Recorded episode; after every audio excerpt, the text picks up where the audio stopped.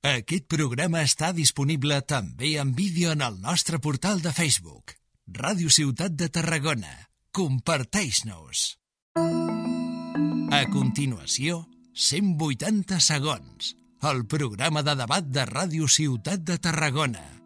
Bona tarda, de nou amb, amb el programa de, de, de, de moda, 180 segons, confinats des de casa, ja portem uns quants, uns quants programes, però bueno, aquí continuem fins que això no s'acabi. La veritat és que nosaltres continuarem i en aquest cas dono la benvinguda al meu company i amic, Òscar. Òscar, què tal?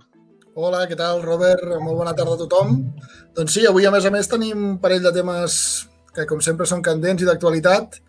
El primer parla de l'URB que eliminarà els cursos i els màsters que no siguin productius d'alguna manera i podem començar, si et sembla, Robert, amb la campanya de Som Comerç Tarragona que ha ideat l'Ajuntament avui mateix. Bé, doncs comencem per aquest eh, tema. No? La veritat és que l'Ajuntament de Tarragona, amb aquest afany que té d'intentar arribar, no? i està molt bé, amb, aquest, eh, amb aquestes activitats de properia, amb, amb, amb els comerços, en aquest cas, i amb una situació en la que estem vivint, eh, la veritat és que, bueno, l'inici de campanyes sempre, sempre és una cosa positiva. Ara hem de tenir en compte el que es posa, com es posa i, sobretot, eh, ojo amb el que estem garantitzant i el que estem fent. Sí, bueno, estem ja en aquesta fase 0. Sembla que a Tarragona passarem a fase 1 perquè les coses s'han fet relativament bé. El que sí que, clar, el que passa a ser la prioritat, que sempre són les persones i que sempre és eh, la salut, doncs ara hem d'intentar reactivar l'economia i per això incentivar doncs, que sobretot el comerç local i que els productors locals tinguin mesures o tinguin eh, d'alguna manera avantatges a l'hora de poder treballar. Necessitats en tenim, eh, hem de generar una nova normalitat, s'ha de fer de la manera millor possible, però el que dèiem, no? amb seguretat i amb, i amb, i amb la confiança. Bé, les administracions estan per ajudar, està per ajudar, per incitar i, sobretot, per provocar, possiblement, en situacions d'emergència com les que tenim a dia d'avui. No?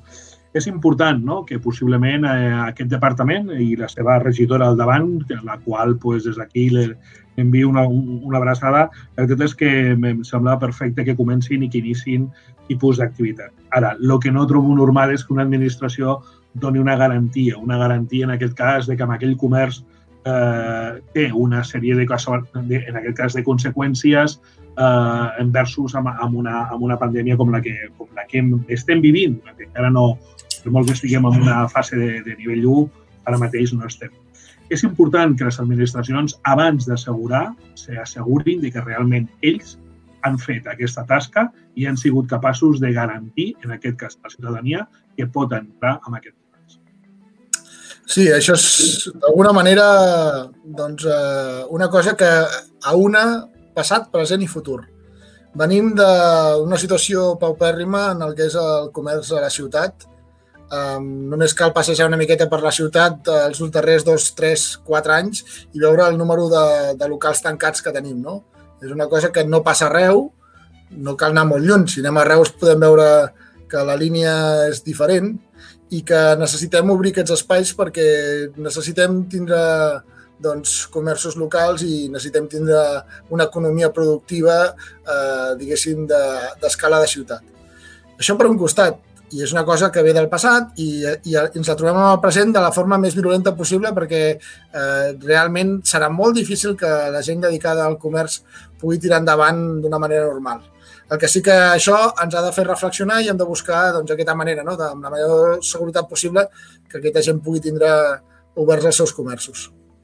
Bé, emetre un, un, un, en aquest cas un, un format, un formulari en el que el seu encapçalament sigui aquest establiment garantir, garanteix la seguretat davant del Covid-19 és molt atrevit. És molt atrevit, en, sobretot en circumstàncies en les que els que tenim comerços i els que tenim comerços petits eh, ens hem passat durant eh, possiblement els 3-4 dies abans de poder obrir un comerç, ens hem passat treballant força per donar unes, unes mesures de seguretat mínimes, no només per la clientela, sinó sobretot per la gent que hi treballa.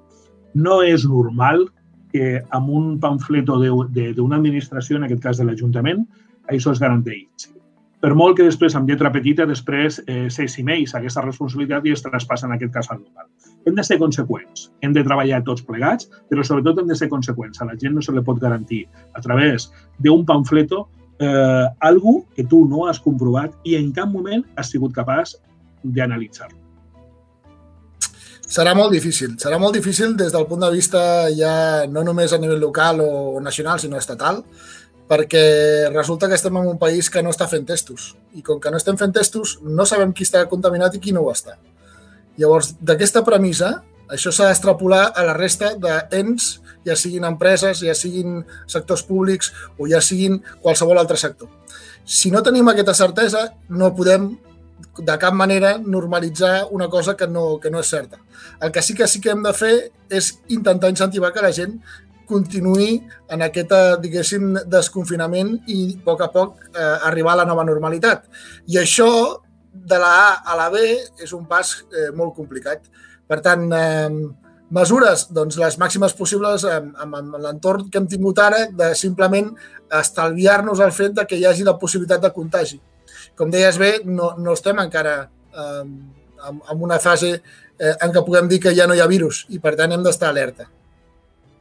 Bé, eh, com ha fet eh, aquest govern, de, de, de, en aquest cas de l'Ajuntament, des del primer dia, ha guanyat molt en properia, ha guanyat molt amb el dia a dia, estan molt a sobre, però hem de tenir en compte que són administracions, no som gent de peu eh, l'administració ha de tindre molta cura a l'hora d'assegurar i sobretot garantir si un establiment o un espai és lo suficientment segur o no davant de tot.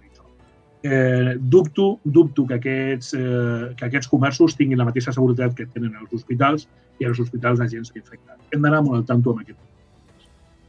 Tenim una, una dicotomia a dia d'avui al carrer, no? Hi ha un debat que és palpable i és que eh, estem entre confrontats entre gent que pensa en la por i la valentia, no? que cap de les dues coses són bones, i entre l'economia i la salut, que aquí jo crec que han d'estar molt clars que primer és la salut i després l'economia, però és un pes que es menja la cua.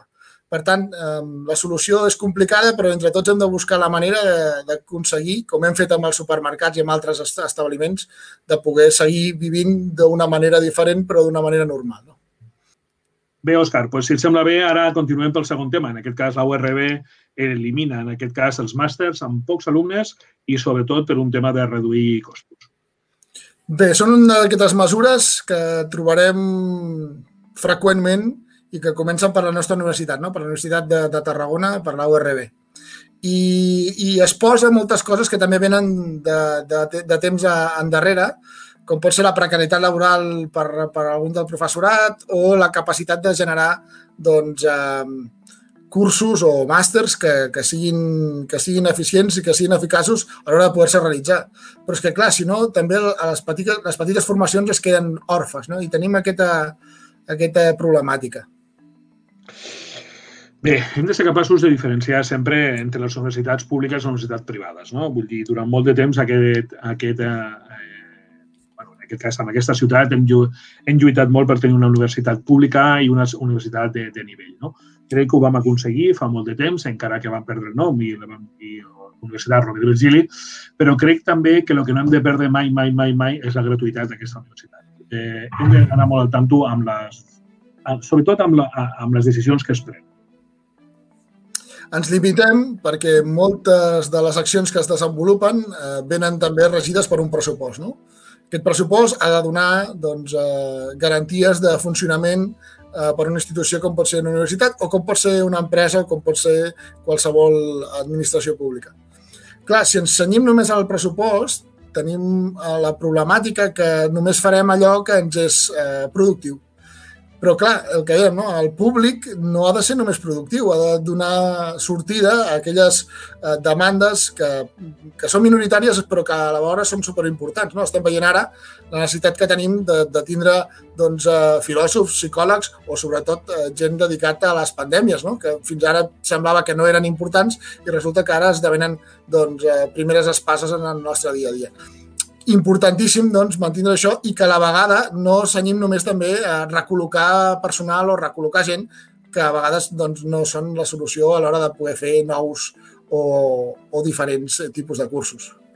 Bé, La Universitat Rovira Virgili és una universitat que a dia d'avui té, té, té un nom, té un prestigi, ha aconseguit durant els darrers anys eh, situar-se dins de les, de les millors eh, universitats, no, no, no només de Catalunya, sinó tot, de tot el territori espanyol. No? Jo crec que la URB ha sigut sempre una, una universitat feta des de, des de, des de l'esforç. No? La veritat és que no va ser fàcil en aquest cas el tenir una universitat en la que té moltes seus, com pot ser Reus, com pot ser Tortosa, com pot ser Amposta. No?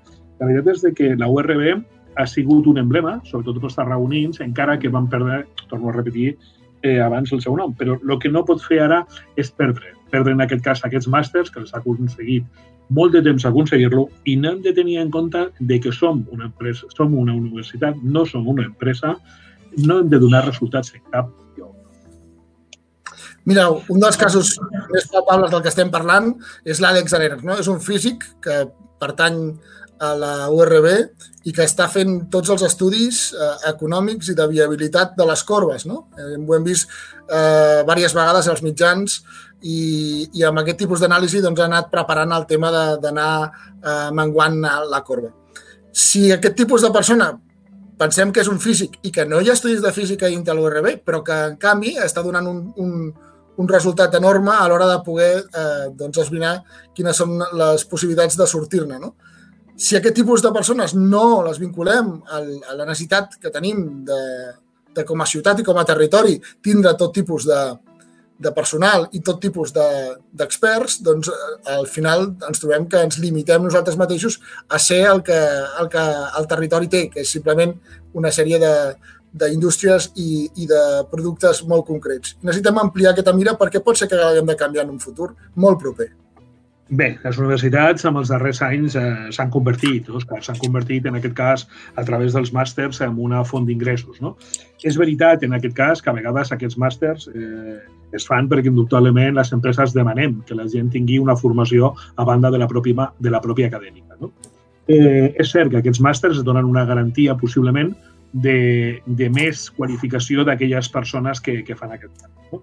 Però en cap moment els màsters han de servir per, per tindre un ingrés extraordinari a nivell econòmic per a unes universitats, torno a repetir, que són públiques.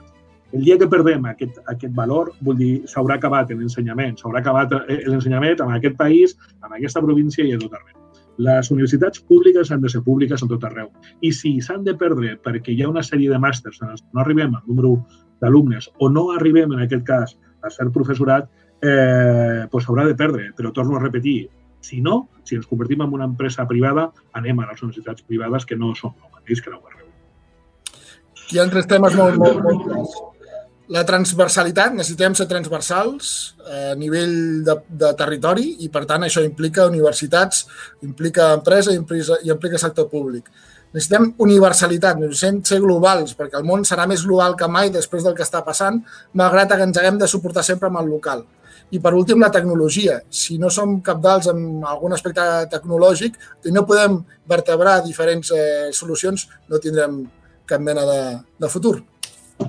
M'és igual eh, els tres models que, que, que marques, Òscar. El que no puc eh, admetre és que una, una universitat pública es converteixi simplement en una situació econòmica en la, en la qual a dia d'avui eh, no vol sortir la notícia que s'ha publicat avui a través de la, en aquest cas, de la rectora, la Maria José Figueras, hem d'anar ficant-la en pinces i de tenir molta cura amb el que es diu, amb el que podem fer i, sobretot, amb la solució que hem de donar.